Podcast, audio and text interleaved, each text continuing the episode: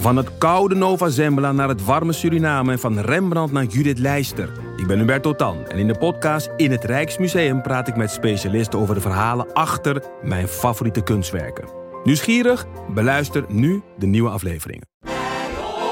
Kijk, de Jordaan. Daar ben ik geboren en getogen. De nieuwe Nederlandse musical Onze Jordaan van Diederik Ebbingen is dit najaar in de theaters te zien. Koop nu uw kaarten op onzejordaan.nl.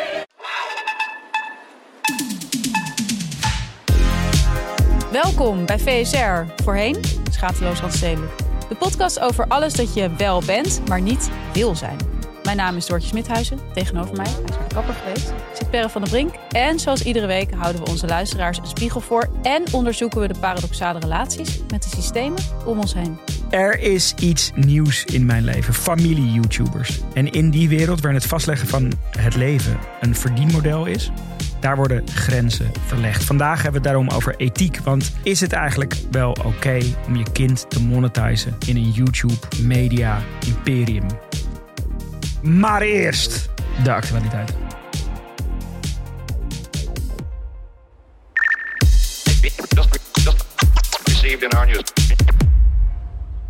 Maak jij wel eens een selfie? Ik ben niet een hele fanatieke selfie. selfie-mens, hè? Nee. Ik was een selfie-mens. Jij was een eh, real-life emoticon. Ja, Mens. ik ben dol op selfies maken. Niet op selfies delen, maar wel op selfies versturen via WhatsApp. In, Als plaats, ja, in plaats van een heel bericht typen. Ja. Ik heb best wel een, een ja, expressief gezicht. Vaak kan ik gewoon... Eh, Jij kan die, die emotie gewoon in plaats van honderden woorden weer te delen, kan ik het vaak gewoon in één selfie. Ja. Maar ik doe dat dus niet meer de afgelopen weken, want ik heb een nieuwe telefoon, de iPhone 15. Die Mhm. heeft een hele goede camera, daarom heb ik hem ook eh, gekocht, eerlijk gezegd. Ja. Maar die camera is dus zo, Zo goed? goed. of zo slecht, ik weet niet, maar ik zie er gewoon vreselijk Hij is uit. niet flatteus genoeg. Ik- Ik heb drie keer zoveel rimpels op mijn selfies tegenwoordig. En ik dacht natuurlijk eerst dat het aan mij lag. Daar hebben we ook hele afleveringen aan gewijd Ja. over botox. Maar dat blijkt dus een breed gedeeld probleem. Want ik las een artikel op The Atlantic... eh, waarin dus werd beschreven dat mensen dus... Heel veel mensen hebben dit. Het is over de iPhone wordt ook op Reddit en zo wordt heel veel geklaagd over die camera. Specifiek over de iPhone 15. Over de iPhone 15. Want hiervoor, de iPhones hiervoor, de paar iPhones hiervoor, was de camera juist heel flatteus. In retrospect heb ik dat zelf ook wel ervaren. En dan vonden mensen zichzelf dus weer te knap. Ja, ja. Dus dan werd er gezegd, ja, goed. er komt een, een onhaalbaar schoonheidsideaal door die goede camera. Toen heeft kennelijk Apple dat Oké, aangepast. nou, dan veranderen we. Ja, ja, krijg maken we er toch een ja, spiegel ja, van? be careful what you wish for. En nu is iedereen dus over de zeik omdat ze zich niet knap genoeg vinden ehm, op de selfie. Ik was in zekere zin wel blij dat het niet alleen mijn probleem was. Ja, ja, je voelde je gewoon deelgenoot. Je voelde je verbonden met anderen. met de andere Ja. mensen met teleurstellende selfies. Ik heb nog niet de iPhone 15, maar ik eh, kom erop terug als ik die. eh, Ja, maar jij maakt ook nooit echt selfies. Dus Nee. voor jou is het zeg maar... Ja, klopt. Nou, het is nooit laat. Misschien moet ik. Ik zal, ik, zal, ik zal een keer een selfie proberen te maken. Nou, vind ik wel leuk. Ja. Eentje met je eigen telefoon en eentje met mijne. Goed, Dat is een leuke Goed idee. case. goed idee. Verder was ik heel gefascineerd eh, door een artikel wat ik in NRC las dit weekend. Mhm. En ik wilde dat heel graag over vertellen aan jou, omdat ik denk dat jij het ook heel fascinerend vindt. Ja. Het gaat over de opkomst en de ondergang van Lightyear, Mhm. oftewel het Nederlandse Tesla. Ik vond het ergens misschien ook een beetje de Nederlandse Theranos. Ja. Ehm, Ik las, ik las die eh, klassificatie. Ik dacht, oké, oké, oké, scherp. Nou ja, dat stuk laat zien. Wat, wat, wat was dat Lightyear? Dat was dus een, een, eh, een, een groene auto. Een auto die op zonnepanelen zou rijden. En die Mhm. was eigenlijk voortgekomen uit eh, ja, een groepje studenten van de TU Delft. Ja. Die hadden zo'n, weet je wel, zo'n auto race. rally gewonnen. En van daaruit was dan natuurlijk het idee ontstaan van, nou, dit moeten we naar de consument brengen. Mhm. En we worden een, een, een Ne- Nederlands Tesla met de eerste particuliere auto op zonnepanelen. Ja. Nou, daar stapte dus gewoon iedereen met geld. Dacht, wat een goed idee, ik ga Mhm. meedoen. Maar echt van de familie Venteler van Vlissingen tot Joop Kaldenborg, Dela, eh, heel veel andere particulieren. En in totaal haalden ze echt binnen no time, hadden die jongens dus 200 miljoen opgehaald. Nou, dus het leek echt wel te gaan lukken met die Nederlandse Tesla. Maar wat zo bizar is, is dat het gewoon... Er wordt nergens nagedacht over... Oké, maar hoe gaan we dat dan vormgeven? Behalve dat het gewoon een vet idee is. Mhm. Dus hoe, hoe geef je zo'n bedrijf vorm? Moet er niet worden nagedacht over management? Op een gegeven moment hebben ze, dat wordt echt beschreven, een totaal bizarre situatie eind vorig jaar, dat ze dan een nieuw model auto wordt gepresenteerd in november. En het bedrijf heeft dan 650 werknemers. Maar ze hebben nog geld tot aan december. Ja. En dan gaan ze dus uit van allerlei grote investeringen vanuit banken. Maar die komen niet, omdat dat bedrijf gewoon totaal niet liquide is. Dus aan alles is duidelijk van het is hier één grote puinhoop. Want het is natuurlijk hartstikke leuk van die studenten die een auto willen bouwen. Maar die kunnen niet in één keer leiding geven aan zo'n bedrijf. Het deed natuurlijk ook best wel denken aan Van Moof. Op een Mhm. bepaalde manier. Mhm. Dus dat werd ook beschreven dat het, het gaat heel erg over vernieuwen, duurzaamheid. We gaan de automarkt disrupten. En ze hadden dan ook van die dingen op de muur staan als impact has started en zo. Weet je, dat soort dingen. Nou, daar liep dus in, iedereen enorm warm voor. Maar wat ik ook denk van dat die investeerders dan geen vragen stellen. Dus die mochten dan allemaal langskomen om een ritje te maken in de auto. En dat was dan kennelijk genoeg om 20 miljoen aan zo'n Ja. groepje ba- basically net af studenten te geven. Ja. Dat dan Ja. niemand zegt, goh, maar hoe ga je het eigenlijk doen als je honderden werknemers hebt? Hebben jullie eigenlijk een HR-afdeling? Op een gegeven moment wordt dan ook de, de vriendin van een van die jongens wordt dan aangenomen.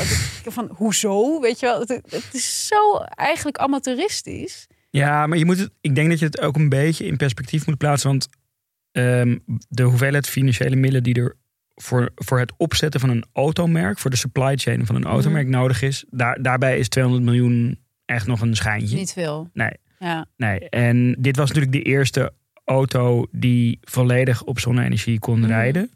Maar een heel klein stukje. ja, maar dan nog, als jij een bedrijf begint wat, wat als doel heeft om heel veel auto's te maken, waar heel veel mensen aan mee moeten werken, waar je op een gegeven moment 650 mensen in dienst hebt, dan moet je toch je HR en zo een beetje Ja. op orde hebben. En Ja. gewoon een soort managementteam hebben. En niet het, soort, het idee dat omdat jij als groepje studenten eh, dat een keer een autorally gewonnen heeft, dat je dat dan helemaal kan fixen. Ja, nee, dat, En, en dat vind ik, zeg maar, dat, dat die studenten dat denken, vind ik nog tot daaraan toe. Of ja, studenten zijn ook gewoon inmiddels inmiddels. 32 Ja, zo. Maar, maar eh, dat mensen daar dan zo blindelings in investeren, Ja. dat vind ik zo. Ja, maar dat is, kijk, de familie Ventenen van, van Vlissingen is, eh, in die zin is het, dat is zo'n klein deel van hun vermogen wat ze daarin Tuurlijk, ze stoppen. kunnen het missen, maar uiteindelijk maken ze dus wel situaties mogelijk waarin bijvoorbeeld mensen van de een op de andere dag weer hun baan kwijt zijn. Ze, is, ze, ze, ze zitten nog in het proces van een doorstart, hè? heel veel mensen ontslagen. Ja, nee, zeker. Ik bedoel, ze hebben natuurlijk, ze, ze Ja. staan volgens mij nog, ja, ik weet niet of ze nog steeds onder curatele staan, maar ze waren failliet aan het gaan. Mhm. Toen kwam er een doorstart. Ja, En daarna is het best wel stil gebleven. Het laatste bericht wat ik erover gelezen even heb. stil zijn, denk ik. Ja, nee, precies. Nee, maar bij Moof, ik bedoel, uiteindelijk Ja. zijn zij nu ook aan doorstarten. Daar Ja. hoor je nu ook niks van. En dat zijn ze dan opnieuw aan het, aan het vormgeven of zo. Nou, ik vond het gewoon interessant dat ik dacht, misschien zijn we een beetje aan het einde van een tijdperk waarin mensen ook maar blindelings zo hier instappen. Ja, dat, dat, dat, dat investeerdersklimaat is is sowieso meer. zij, is, is veranderd terwijl zij bezig waren. Dus dat, dat speelt hier ook en mee. daar weet gaan, wel? gaat zo'n club dan uiteindelijk een beetje aan failliet. Aan Ja. het eigen succes eigenlijk. Ja. Want, want als niet iedereen in één keer zo makkelijk daar geld in zou geven, dan loop je natuurlijk veel Als, de, als zij datzelfde issue vijf jaar geleden hadden gehad, dan was er gewoon bijgestort door Ja, die investeerders. ook. Nee, dat is ook Eh, waar. eh, de dus dan, En hadden ze gewoon dan nog. weet je ook niet hoe het was gelopen. Maar ik heb wel een, een keer een eh, heel, heel interessant panel discussie gezien van Booking.com. Mhm. Daar hadden ze drie CEO's naast elkaar gezet. Dus de, de oprichter, de scale-up CEO en de Oh, corporate. CEO. En dan was het thema van dat panel was ook van weten wanneer je eh, gewoon op moet stappen. moet. Ja, dus, Dus, dus, dus het ging heel erg over wat was het moment dat jij je ego aan de kant kon zetten. Ja, en dat is natuurlijk het, het moeilijke. Precies. Eh, de- ja. Heel, veel, heel veel van dit soort founders van hyperdisruptieve innovaties, die, die ontwikkelen toch een beetje Ja, een, precies, een, dat- messias-complex. ja, want dat jij een, een auto kan ontwerpen die zo'n rally wint, wil nog niet zeggen dat jij leiding kan geven aan 650 mensen. Nee. Nou ja, een interessant stuk in elk geval. Zeker. Een aanrader. Even, ik wil even doorgaan waar ik vorige week gestopt was Ja. qua ehm, technologische kunst. Ja, en AI. Precies. Ik probeer jou een beetje eh, warm te maken voor die. eh, aan, de, aan de vorige actualiteit te horen. Ben je nog niet helemaal warm De gehad voor, voor de die is echt techwereld? eindelijk van gaat u erop door? Ja. maar jij, jij, jij, jij, jij, Hoopte al van oh. jij doet de aanname dat niemand dit nee, ik denk vindt. dat ik er helemaal naast zit. Je hebt gelijk. Wat vind jij van surveillance? Vreselijk. Ben Ja. ik tegen. Ben ik tegen. Daar heb ik een heel leuk kunstproject voor Oké, vertel. Van de. Belgische kunstenaar Dries de Porter. Eh, Zijn werk gaat, gaat heel erg over eh, eh, privacy, Mhm. AI en, en, en surveillance. En hij heeft een ehm, geautomatiseerd social account gemaakt. Wat eigenlijk de livestream van de Tweede Kamer van België pakt. Ja, En kan met, met facial recognition of kan herkennen welke politicus waar zit. En ziet wanneer ze op hun telefoon zitten. ja. En op dat moment maakt dat account, eh, genereert automatisch een post. at politicus. Niet te veel afgeleid raken en met je telefoon eh, eh, zitten. En dat gaat Oh, gewoon de hele tijd zo door. En dat, dat is natuurlijk een soort, soort ja, werk wat, wat over een soort bredere maatschappelijke discussie. Ja, wat wil hij hiermee? Wil, Nou ja. wil hij mensen aan- laten zien van kijk hoe die politici op hun telefoon zitten? Of Nee, je, je hebt heel veel bedrijven waar je of verplicht work from home policies hebt, of Ja. het is na COVID gewoon voor een deel van de tijd werk je vanuit huis. En een aantal van dat soort bedrijven, of best veel van dat soort bedrijven, gebruiken gewoon eh surveillance-achtige software om de productiviteit van. doe jij dat? Nee. Simone? Zo heftig. Nee, ik zou het echt nooit doen. Nee, maar de- dan zit er dus eigenlijk eh, een soort spyware Ja, ja, Op, je, op je laptop. Die, die bijvoorbeeld toets, eh, toetsenbord aanslagen registreert. Of, of muisbewegingen. Maar hele grote bedrijven doen dat toch? Ik heb bij New York Times ook wel eens een podcast over geluisterd. Ja. Amazon en zo doen dat volgens mij. Ja, en het, het wordt gewoon een beetje verkocht onder het mom van ja, het is toch ook logisch als iedereen thuis werkt dat je een beetje die productiviteit moet monitoren. Wat natuurlijk zo is, maar dat zijn natuurlijk Alsof het, als je op je kantoor zit, kan je toch ook de hele dag zitten patiënten of zo? precies, Ja. precies. En eh, ik zag ook ehm, mensen doen. Of, ja, ja, ik weet niet of dat nog Ja, je had is. ooit Ja. die, eh, die- ik moet dan altijd denken aan die, je had ooit zo'n hele goede kuppensoep reclame. Waarbij die, die Ruben van der Meer Ja, zo'n eh, overprikkelde baas speelt. Die, die helemaal lijp wordt. En dan was er in één scène, dat, dat weet ik nog heel goed, was gewoon zo'n goed detail dat hij dus... De aandacht was niet op die werknemer, maar hij zat er wel. En hij zat dus te patiënten. Ja. En dat vond ik gewoon zo'n... Sowieso wel echt de piek van Ruben van der Meer. Ja, maar terug naar dit Ja, eh, terug. eh, onderwerp. Ehm, het gaat natuurlijk over, eh, ja, het is een soort zorgelijke ontwikkeling dat, dat men gewoon wordt ge, ge, ge- Ja. getracked tijdens het werk. En dit is best wel een goede, ludieke manier om dat bij politie onder de aandacht Nou, en terwijl te ik bedoel, zij zijn uiteindelijk degene die regelgeving maken over dit soort thema's. Exact, en door ze, door ze gewoon te, te, te Ja. pakken erop. ehm, en ook op een soort kwetsbaar dingetje toch Zeker. van... je werkt in de politiek, maar je zit de hele dag op je telefoon. Ja, ik vind het gewoon weer een heel mooi voorbeeld van hoe je technologie voor iets interessants AI. kunt inzetten. Per, ik vind het heel leuk. Ja, toch? Ja, waar. vorige week vond je ook wel leuk. Ik merk Ja, dat er een kentering ik ben aan het ontdooien. Ja. Ik ben aan het Ja. ontdooien. Nou, voordat we het over kindermonetization gaan hebben, Ja, eh, gaan we het eerst nog eventjes hebben over onze eigen monetization. Ik kan we gaan naar de eerste sponsor. Air Up. Ja, want wij hebben ehm, een nieuwe sponsor. Of eigenlijk een Nee, terugkerende Het sponsor. is een, te- Een tevreden sponsor. een tevreden klant die bij ons is teruggekeerd. De waterflessen van Air Up. Air Up is de waterfles die water via geur smaak geeft. Dus je kunt cola drinken zonder Coca-Cola te drinken. En met de Air Up upgrade je je water dus met smaak door geur. Geen suiker, geen toevoegingen, geen rommel. Gewoon water met een, met een smaakje. Ja, en die geur die komt uit pots die je op de fles kan klikken. En die zijn er in een oneindig scala aan verschillende geuren. Je hebt inderdaad cola, maar je hebt ook allerlei fruitsmaken. Het is echt een enorm aanbod. Ik zou zeggen, neem zelf een kijkje.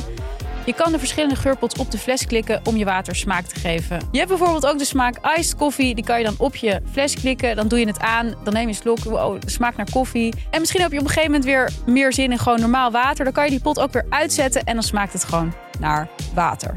En mocht je dat nou ook willen proberen, die koffiesmaak of een andere smaak. Er is ook kersen, watermeloen, bosvruchten. Ik noem er maar een paar. Het aanbod is oneindig. Ga dan naar r-up.com. Linkje in de beschrijving.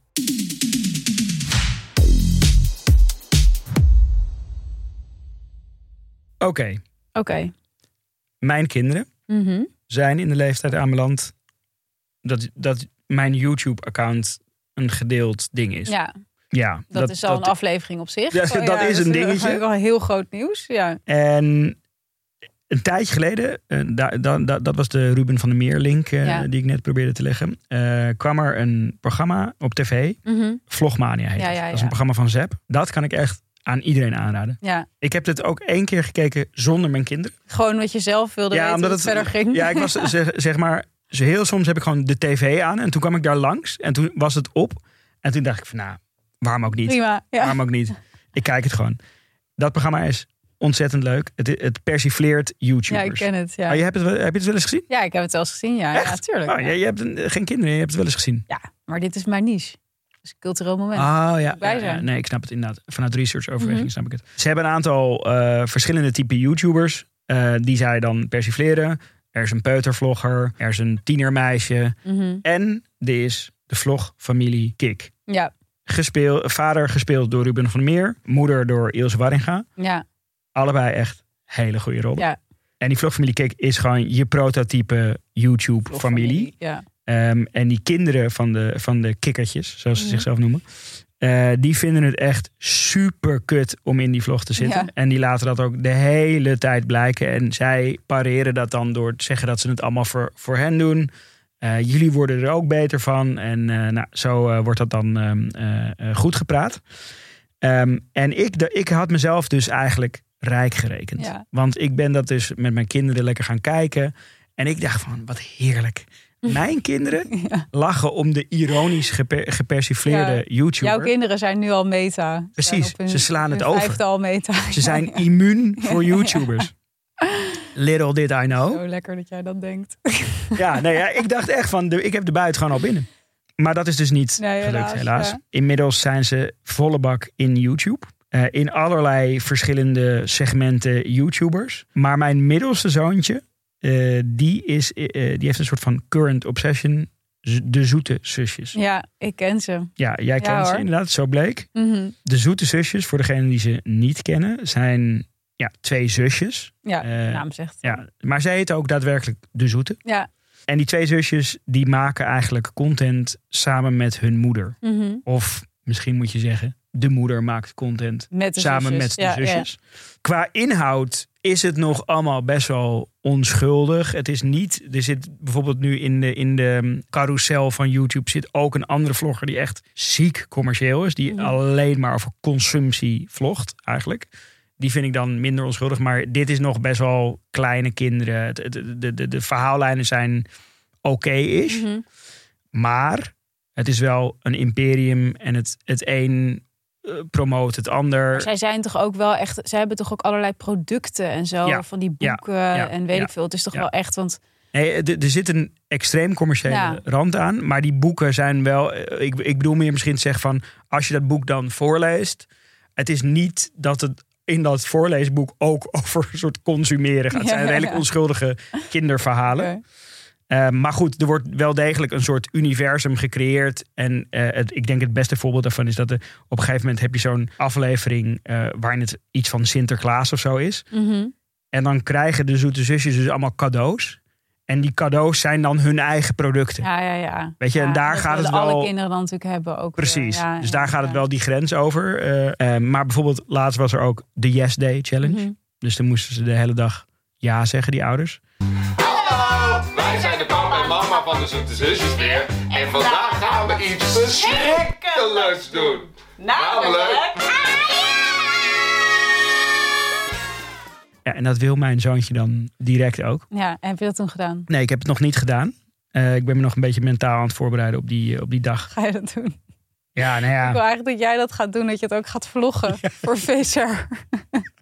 gaat Misschien, delen. misschien onder, onder, in die... Als het, ja, maar dit is dus hoe het gaat. Het begint meta. Dan denk je, oh ja, het is gewoon chill. het Ja, zo mee. makkelijk. En allemaal sponsordeals. En Begin- Krijg ik een appje van een uitgever? ja, precies. Ja. Oké, wil oké. wel jouw dankwoord. Deze aflevering neemt een hele andere wending nu. ehm, Ja, ik zal je mijn Ehm, dankwoord opnemen. dankjewel. Ja, ik kende die zoete zusjes natuurlijk al. Ja. Eh, sterker nog, ik heb wel eens contact met ze gehad. Dat was, dat was namelijk Eenzijdig leuk. contact. Ja, jij zei... eh, nee, we kregen een mail terug. Oh, jawel. Jij, Ja, ja, jij zei eh, van we, gaan hier een aflevering over maken. Nou, ik zei nou leuk, want ik heb in 2019 eh, een documentaire gemaakt over dit soort eh, types, waar we Ja. straks meer over gaan hebben. En toen zei hij ja, het lijkt me echt leuk om de moeder van de zoete zusjes dan in te bellen. Ja, Dus ik zei meteen nou succes. Ja. Ik heb gewoon Ja. een jaar van mijn leven gegeven aan contact maken met dit soort mensen. ja, Die doen nooit mee. nooit mee. Nee, Nooit nee, mee. Waarom nee. zouden ze het doen? Nee, ze doen zo maar ik, weet, ik, ik heb dus wel destijds heb ik een eh, mail gestuurd naar de moeder van de zoete zusjes van wil je meedoen aan mijn documentaire? En toen eh mailde ze aardig terug dat ze daar geen zin in had. Ja, ik laat mijn telefoon aan, dus mocht, het, mocht, ze nog ik, inbellen, dat worden, dan, dan, Dan- dan bellen we erin. Waar ik het met jou heel graag over wil hebben, is hoe jij zeker na het maken van zo'n hele documentaire eigenlijk tegen dit fenomeen aankijkt. Mijn blik is wel veranderd. Ik kijk er dus ook wel een beetje dubbel naar, want ik denk, mijn branding hart denkt natuurlijk wel van, dit zit wel weer echt verdomd goed in elkaar. Ja, Eh, het een praat met het ander en het, het klopt allemaal. En eh, ja, het is gewoon een goede brand universe. Dat moet ik ze echt Brand nageven. Universe, zo is echt mijn nieuwe favoriet. Ja. Van de Brinkwoord. We kunnen wel een Hoe- keer... Hoe is er jouw Brand Universe? Ja, jij, jij hebt wel een brand universe, vind ik ook. Ja. Oh. ja. Kapitalisme is seksisme. Praat met Is de podcast. Ah ja. En de podcast praat met jouw speaker Wow. opportunities. Zijn we gewoon nu in mijn Brand Universe? We zijn eigenlijk altijd in jouw brand universe. En jullie leven er maar in. Dus aan de ene kant denkt mijn branding hart denkt van dit is echt verdomde Ja. goed uitgewerkt. Ja. Maar ik ben natuurlijk ook een vader. Mhm. Een vader die zich zorgen maakt. Een vader met een week hart. Ja. Die ja, zich zorgen maakt over de kneedbaarheid van mijn kinderen. Wat als mijn kinderen straks ambiëren om ook te gaan YouTuben? Moet ik ze dan gaan helpen met het vormgeven van een brand universe? Ja. Of moet ik ze direct een halt eh, toeroepen? En eh, ja, gewoon eigenlijk de, de ethische kant van de zaak aan. Ja. Ik probeer het al wel te doen bij die, bij die hele commerciële vlogs. Van, zie je, dit is, dit is wanneer er een product aan je verkocht wordt. het maakt nog niet heel veel impact. Doe je dat echt? Ja, ik signpost dan, dit is een advertorial. Oh? Net zoals ik dat nu ga doen. Want we gaan nu naar de tweede advertorial in deze uitzending. Namelijk die van de nieuwe voorstelling van Guy en Ronnie.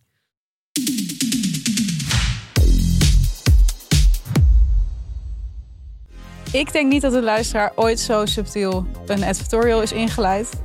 Maar hier zijn we toch weer bij de advertorial voor Guy en Ronnie. Want hierbij, lieve luisteraars, nog een reminder om je tickets te kopen voor de dansvoorstelling van Guy en Ronnie. En die heet Islands of Empathy. En hij is deze week te zien in Rotterdam en volgende week in Amsterdam. In Islands of Empathy staat empathie centraal. De naam zegt het al. Welke invloed heeft dit menselijke vermogen op de manier waarop we samenleven? Nou, een vraag die alleen maar relevanter wordt. Mhm. Live beats, dans en een lichtshow maakt tot een explosieve uptempo dansvoorstelling waarin kleine en emotionele momenten ook plek hebben. Vind ik zelf altijd heel fijn. Als het niet alleen maar. Ik vind het heel belangrijk dat er ruimte is voor eh, kleine en emotionele Ja, vind momenten. ik heel belangrijk. Ze toeren door het hele land, waaronder dus Amsterdam en Rotterdam, maar ook Den Haag en Utrecht. Ze staan 18 november in Rotterdam, ik zei het net al, 24 en 25 november in Amsterdam, 9 en 10 januari in Den Haag, 18 januari in Utrecht en daarna is de tour door het hele land, maar dan ook echt bijna het hele land, 25 steden in totaal te zien. Kijk voor het overzicht op clubguyandroney.nl slash PSR. En als je daar dan toch bent, dan krijg je 5 euro korting met de kortingscode VSR5. Mag ik ook even zeggen dat ik heel blij ben met deze kortingscode. Dat het een. VSR-code is, niet schaamteloos. Dus Het juiste brand universe. VSR5. Ja, inderdaad. Welkom in ons Brand Universe. Met die code krijg je 5 euro korting op de reguliere ticketsprijs in Amsterdam en in Rotterdam en in Den Haag. Linkje in de beschrijving.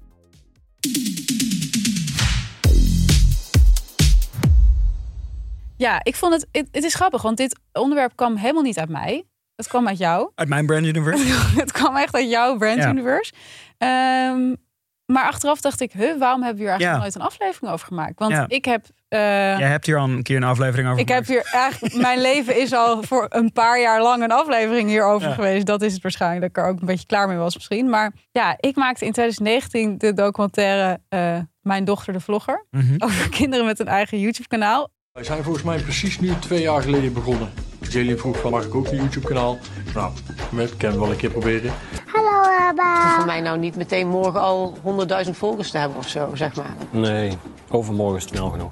Het is zo bizar eigenlijk dat het nog maar zo kort geleden is. Maar toen was dat echt een wereld ging open. Mhm. Eh, want het was een fenomeen. Ik, ik kende dat een beetje uit Amerika. Toen ging ik een beetje kijken, is dat ook in Nederland? En toen merkte dat ik allemaal vragen had. Ja, Wat ik bijvoorbeeld dacht, en achteraf is het zo logisch als je dat nu zegt. Maar ik dacht dus, hoe kunnen die kinderen allemaal filmen?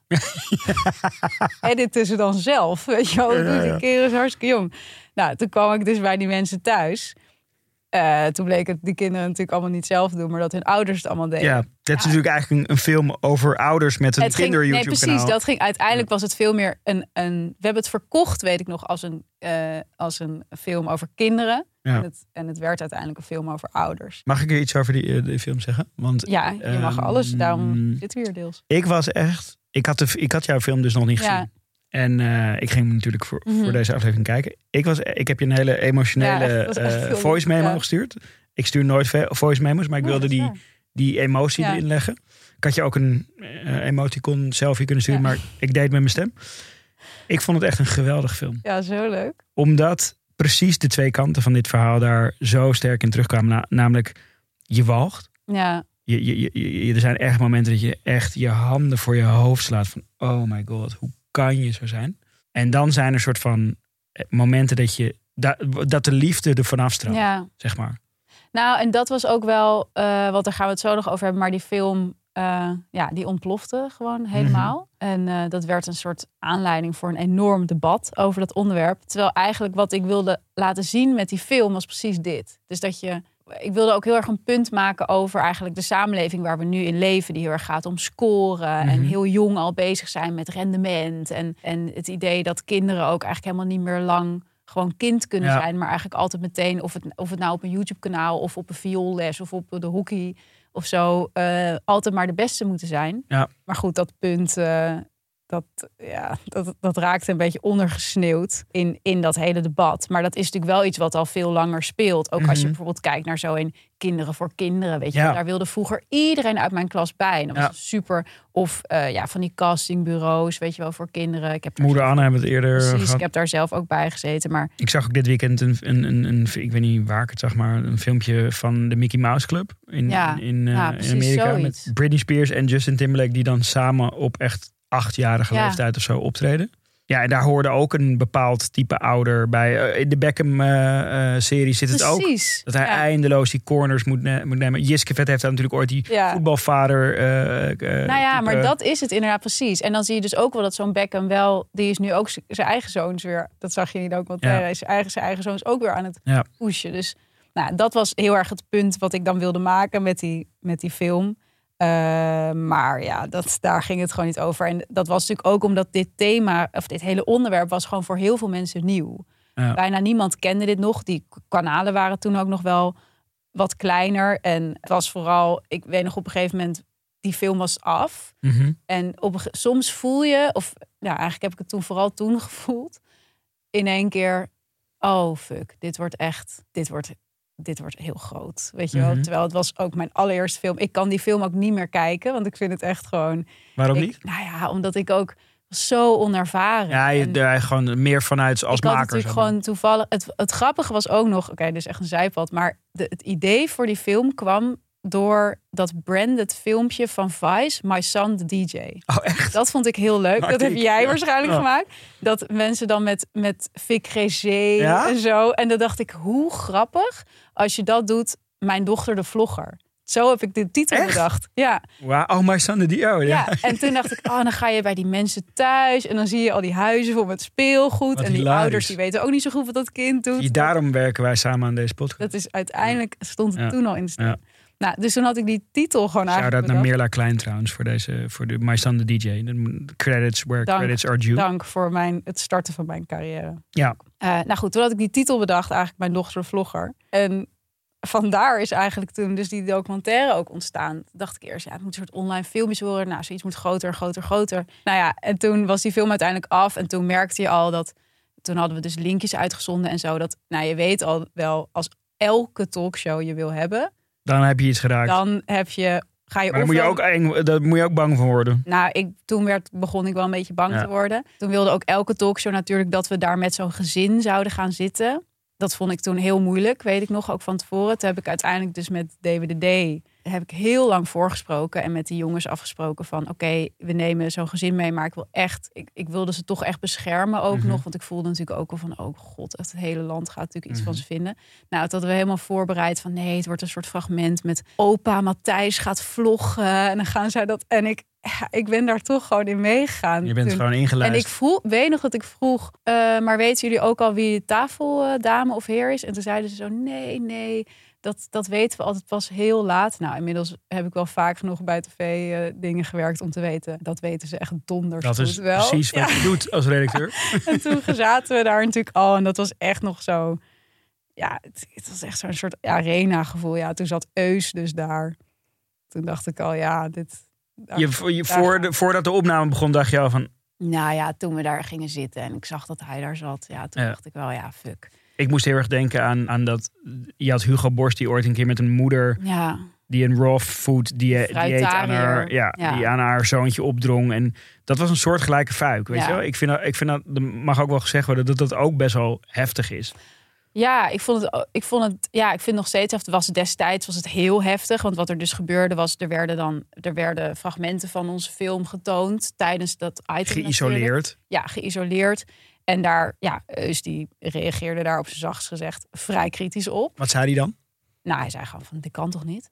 Je gaat toch niet je kind zo, eh, dit is toch gewoon kinderarbeid of zo? Gewoon echt dat. Mhm. Bij dit YouTube, en ik merk dat YouTube best wel veel, eh, kan wel wat weerstand oproepen. Als, Mhm. als je hoort van ouders die hun kinderen delen. Maar wat ik heel veel zie, eh, wat we bij deze documentaire veel hebben gezien, is dat eigenlijk de, eh, wat die ouders willen, is eigenlijk een soort, eh, is eigenlijk wat heel veel ouders willen. Namelijk eh, de, de weg naar succes voor hun kinderen zo goed mogelijk plaveien. Zeg maar. Is wel, Ja. maar ik, spijt me hoor, maar is het niet heel ongezond dat je aan de keukentafel aan een kind staat te, of zit te vertellen in dit geval van wat ze beter moet doen en hoe ze beter voor de dag kan komen? Dat je meteen al enorm zo'n druk op haar schouders legt terwijl zij gewoon in de zandbak moet spelen en moet ravotten en weet ik veel wat. Nou ja, dat fragment werd natuurlijk vet vaak bekeken.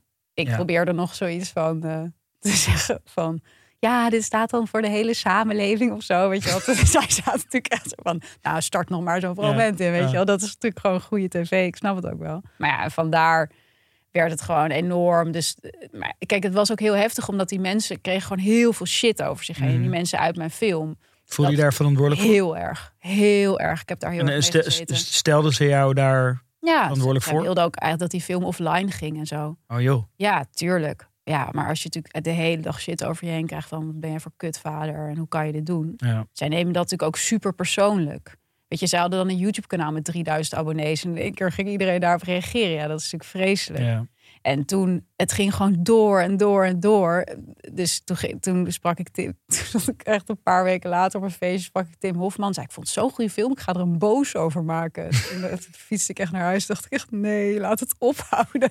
En toen kwamen En er kamervragen en zo, waarin ook echt dus mijn film dan werd genoemd. Aangehaald werd. Zijn, zijn die mensen doorgegaan met het, met het Ze kanaal? zijn, eh, nou, er zit één meisje die wat ouder is, die, die is wel gewoon doorgegaan. Mhm. Maar die was toen ook Maar die was al 14 voor of reden zo, vatbaar. ja. Die, die, Ja. die, die deed het al meer zelf. Ja, maar die was natuurlijk ook heel jong begonnen met Musical.ly. Ja, daar, daar, daar wist je ook van, wow, deze film is drie jaar oud, maar het Ja, voelt wat- als een generatie dat geleden. nog? Ja. Dat is TikTok. nu. Zij is doorgegaan en de anderen zijn gestopt. Ja, ook Ja. echt wel vrij snel daarna. Ja, en eigenlijk vier, we zijn nu vier jaar later. En Mhm. ehm, er was laatst een item eh, eh, bij, eh, bij Lubach. Ja. wat eigenlijk pretty much precies hetzelfde was. Ja, ja, het ging over, over familievlogs. En eh, ver, eh, ja, kinderarbeid eigenlijk. Eh, dus dan in, in, in, dat item komt er op een gegeven moment een kind in beeld. En die komt alleen maar in beeld om te laten zien wat je moet doen om een kind in beeld te krijgen Ja, ja, bij de. NPO. Dus dan moeten ze allerlei ontheffingen en toestemmingen en weet ik veel wat voor formulieren invullen. Maar dat geldt natuurlijk niet voor die, voor Nee. die familievlogs, die, die veelal worden weggezet als een familiehobby. Ja, precies. Nee, want dat is. Kinderen tot zeven jaar mogen maximaal zes dagen per jaar vier uur op tv. Ja, daar kom je niet hoog mee in het algoritme. precies. Maar dat was, ik weet dus nog dat ik toen destijds, toen waren die zoete zusjes dus ook al Ja. actief. En die heb ik toen ook gemaild van Ja. in mijn documentaire.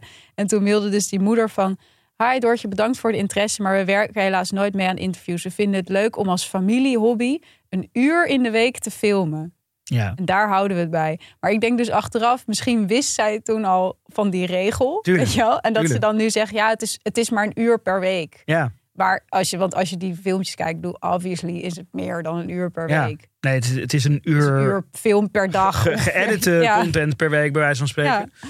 Eh, dus dan is het een veelvoud daarvan wat je opneemt en waar je Mhm. mee bezig bent. En dan, heb, en dan heb je het nog niet eens over de boeken en de dingen en de shoots en de weet ik veel wat ze allemaal moeten Ja. doen. Dus eh, dat kan je echt niet meer onder een hobby. Hobby, nee, eh, precies. eh, en dat, dat downplayen van, van dit soort hobby-argument. Dat is echt wel een beetje een patroon wat je onder die familievlog ziet. Ook bij die echt hele grote. Je hebt de familie Bellinga, dat is een van de, van de allerbekendste. Ja, daar zijn die kick op gebaseerd. Ja, precies, precies. En die waren een tijdje geleden. ehm, Die komen ook voor mijn dochtervlogger. Ja? Ja, op het eind. Oh ja? Ja, dan gaan ze bij hen een soort meet and greet doen. Oh ja, ja, ja, ja, precies. Dat is dan aspirationeel eh, niveau. Maar die Bellinga's die waren een tijdje geleden stiekem gefilmd op een vakantiebestemming. Dus die, hebben, die maakten dan content in een resort of zo. Waar zij dus waarschijnlijk gratis op vakantie waren. waarschijnlijk, ja. Eh, en iemand in dat resort die dacht, nou, dit is wel lachen. Ik ga dit gewoon filmen.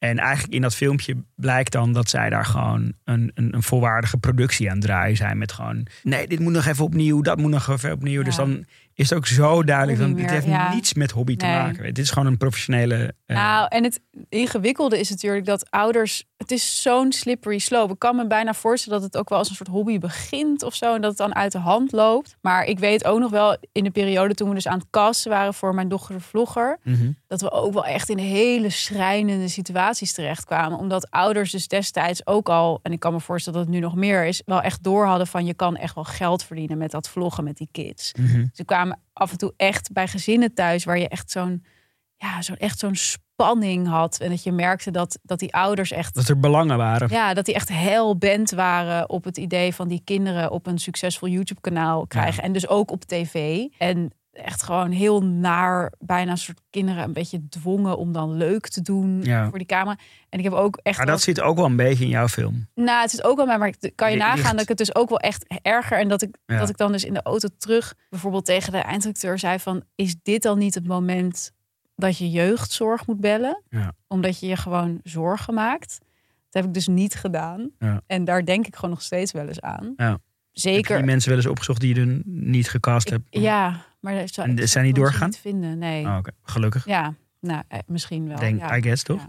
Nou, ik, had, ik moest er ook sowieso weer aan denken toen laatst dat je zo'n eh, rechtszaak in Amerika. Dat je dus een hele bekende mommy-vlogger, ook die heette Ruby Frank. Ja. Ehm, en die had dan zo'n familiekanaal waar ze dan, ze had ook zes kinderen en dan ging het hele tijd over hoe ze die dan opvoeden. En dat werd heel erg gezien als een soort van, ja, heel, heel blij en zon natura-achtig huishouden. En uiteindelijk is dus eh, zij beschuldigd van kindermishandeling nadat haar twaalfjarige zoon uit het raam is geklommen. Eigenlijk is ontsnapt uit dat huis. En aan de buren heeft gevraagd van mag ik iets eten? En dat was heel mager en gewoon verwilderd. Ja, echt een soort Ruinerwold. Dus ik denk dan, ja, wat, wat, wat is er? Je weet gewoon niet eens wat er gaande is Ja. in die huizen waarover zoveel wordt gedeeld. Ja, en je hebt natuurlijk nu die eerste generatie mensen die in zo'n huishouden, zo'n YouTube-huishouden zijn opgegroeid, die nu ook richting volwassen leeftijd of volwassen leeftijd en meer een eigen stem krijgen. toch? Ja, maar daar ben ik dus heel benieuwd naar. Want je hebt ook in Amerika nu wel een paar van die rechtszaken gehad van zo'n kindvlogger die dan zijn ouders heeft aangeklaagd. Maar echt, echt, maar echt maar een handjevol Ja. of zo. Terwijl daar het zo groot is. Ik denk Ja. toch dat kinderen vergeven hun ouders natuurlijk zoveel. Nou ja, onder voeding dus kennelijk niet. Terecht. Maar eh, ik, ik vraag me af of dat nou echt heel, heel erg vrucht gaat nemen. Ja. Nou, het is nu, wat er in ieder geval is gebeurd, is dat minister van Gennep van, van Sociale Zaken en Werkgelegenheid Mhm. wel een brief naar de Tweede Kamer heeft gestuurd om ehm, eh, de wet kinderarbeid tegen het licht eh, aan te gaan houden. Naar aanleiding van dus nou, dit soort Bellinga-achtige voorbeelden. Eh, want, schrijft zij, er is vol- volgens de minister een te groot risico op fysieke en emotionele belasting bij die kidfluencers. En daar valt onder een eenzijdige omgeving, het altijd aan moeten staan, Ja, wat jij ook eigenlijk beschrijft. Ja, En, eh, nou, kijk, DWDD, eh, de heftige reacties. negatieve Ja. veelal reacties die die kinderen ook ehm, eh, moeten ondergaan.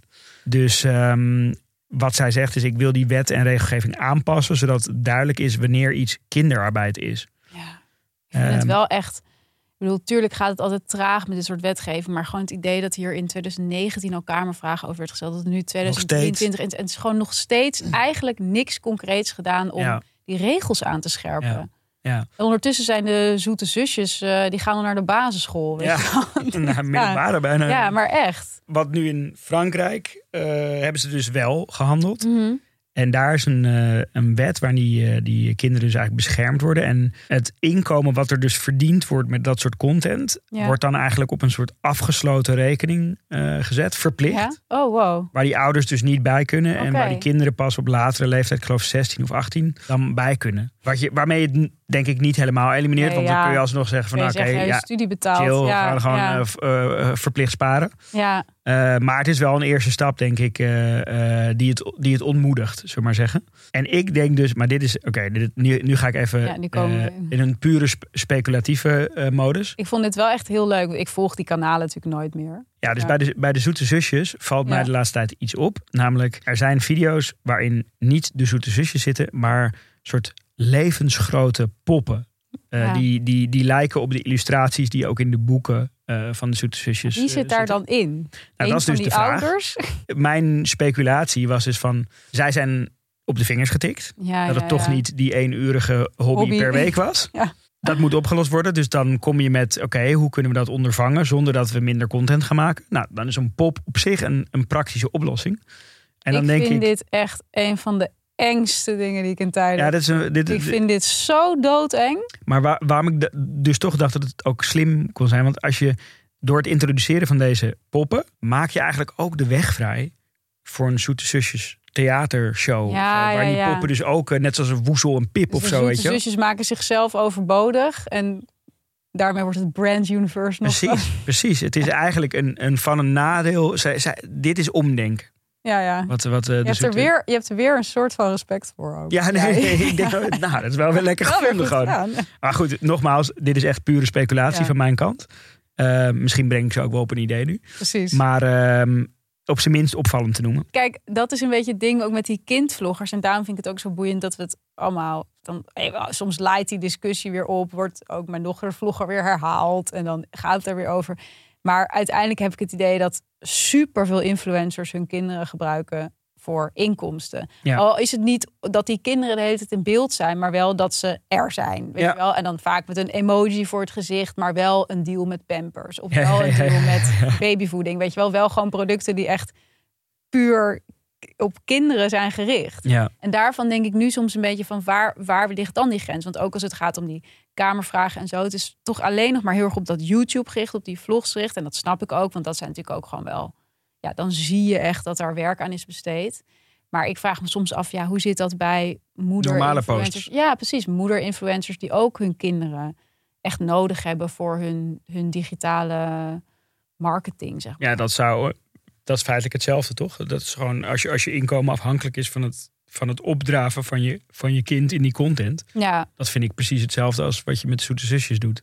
Dus ja, als je, als en dat, dat was sowieso een beetje de nasmaak die ik had na eh, überhaupt mijn dochter de vlogger. Dat iedereen haat YouTubende ouders of zo. Zeg maar. Mhm. Iedereen haat familievloggers. Daarom werkt zo'n eh, serie waar jij met je kinderen naar kijkt. Want er is Mhm. een soort consensus ontstaan de afgelopen jaren van...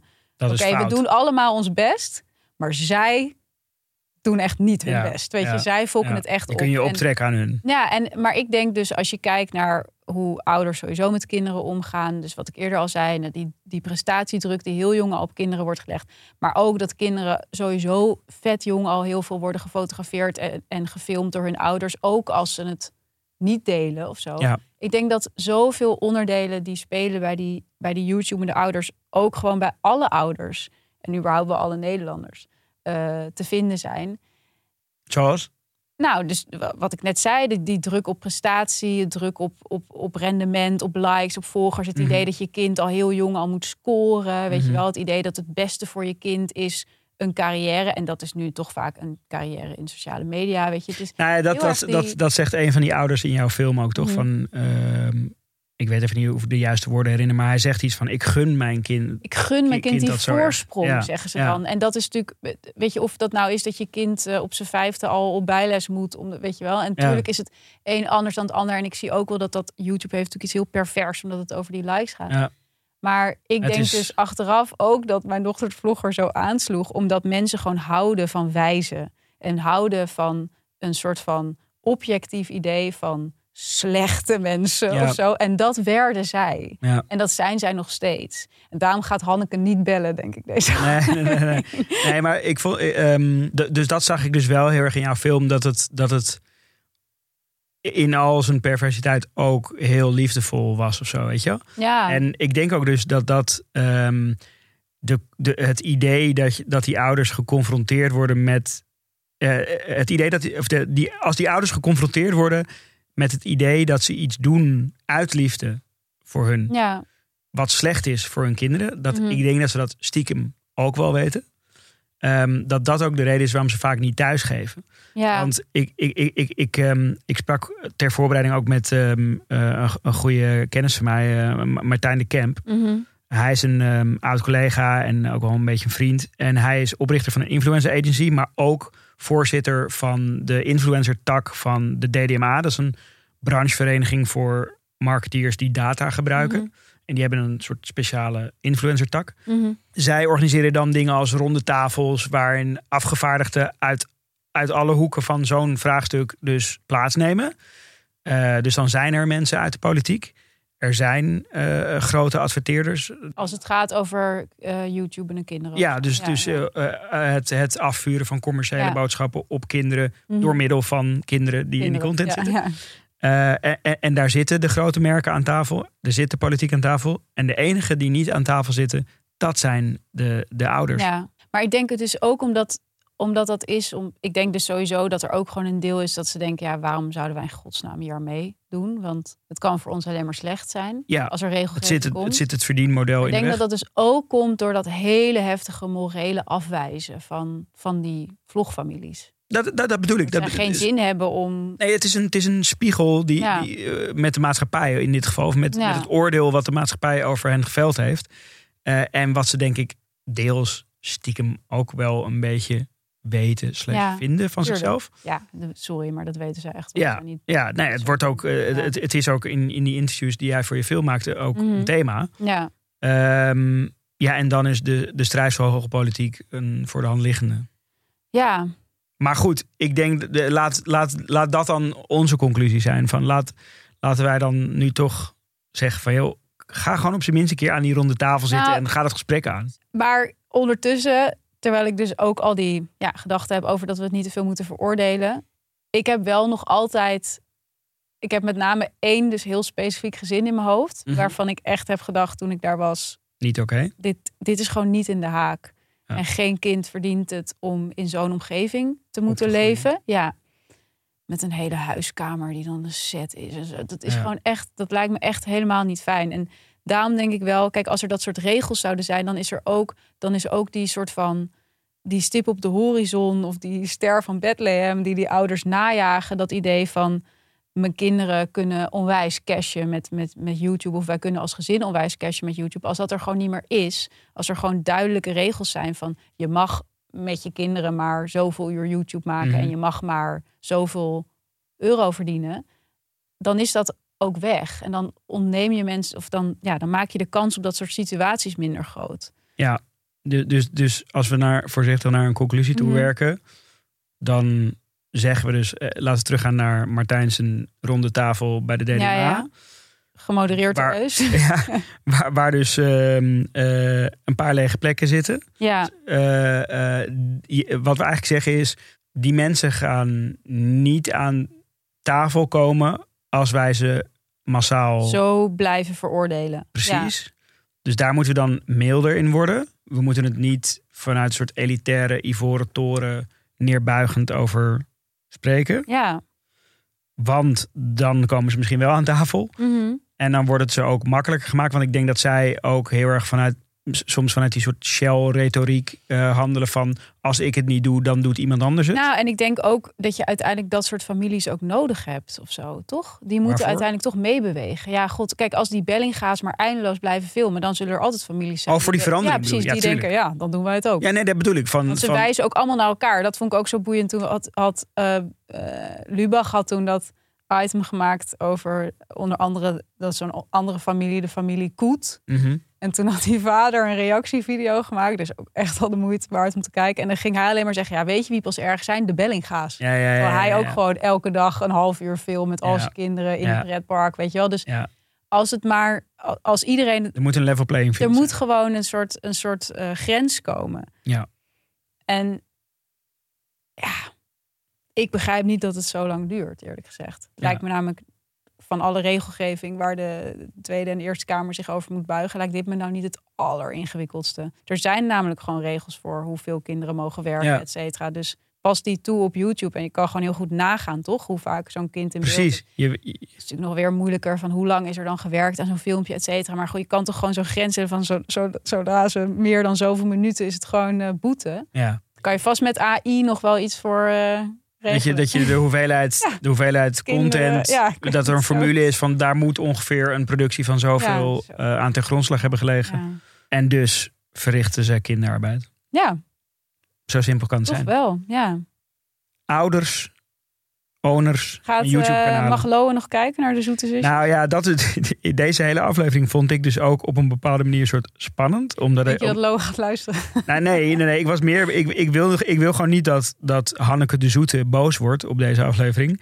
En dat ik wil ook niet zijn kijkplezier verpesten. Snap je? Want ik zie dat hij dat heel leuk vindt. Ja. En ik, ik, ik, ik, ik heb dit weekend nog een boek gekocht. En dan heeft hij gewoon zoveel Van zin. de Zoete Zusjes. Ja, van de Zoete Wow. Zusjes. En hij heeft hier gewoon zoveel zin dat ik hem ga voorlezen uit dat boek. Ik wil dat niet verpesten, maar Oh. Tegelijkertijd denk ik van ja, het is ook wel echt een beetje heftig wat er allemaal Ja. gebeurt. Ja. Ehm, Waar ben je dan bang voor? Stel, Hanneke de Zoete wordt wel boos. ja, weet ik veel. Ik, Wat ben ook helemaal niet bang dat Hanneke de Zoete bo- boos ze jou blokkeren op YouTube? Ja, precies. Dat, mijn IP-adres achterhalen. Mag je op mijn account kijken. Ja, precies. Tot die tijd wachten we denk ik allemaal op de grote vlog van jou en Lowe. Ja. De ja-dag. Ja, en ik zal, ja, precies. Ja. Ik zal de jaardag vastleggen. En ik Dat zal, gaat de cirkel rondmaken van My Son de DJ, mijn dochter de vlogger. Ja-dag met Perre en Lowe. En nog, misschien gooi ik er nog gewoon voor de it gewoon een, een sponsored post uit van een of ander kinderproduct. Ik denk dat dat wel wordt verwacht. Die hangt in de lucht. Ja, dat gaat gebeuren. Tot volgende week. Tot dan.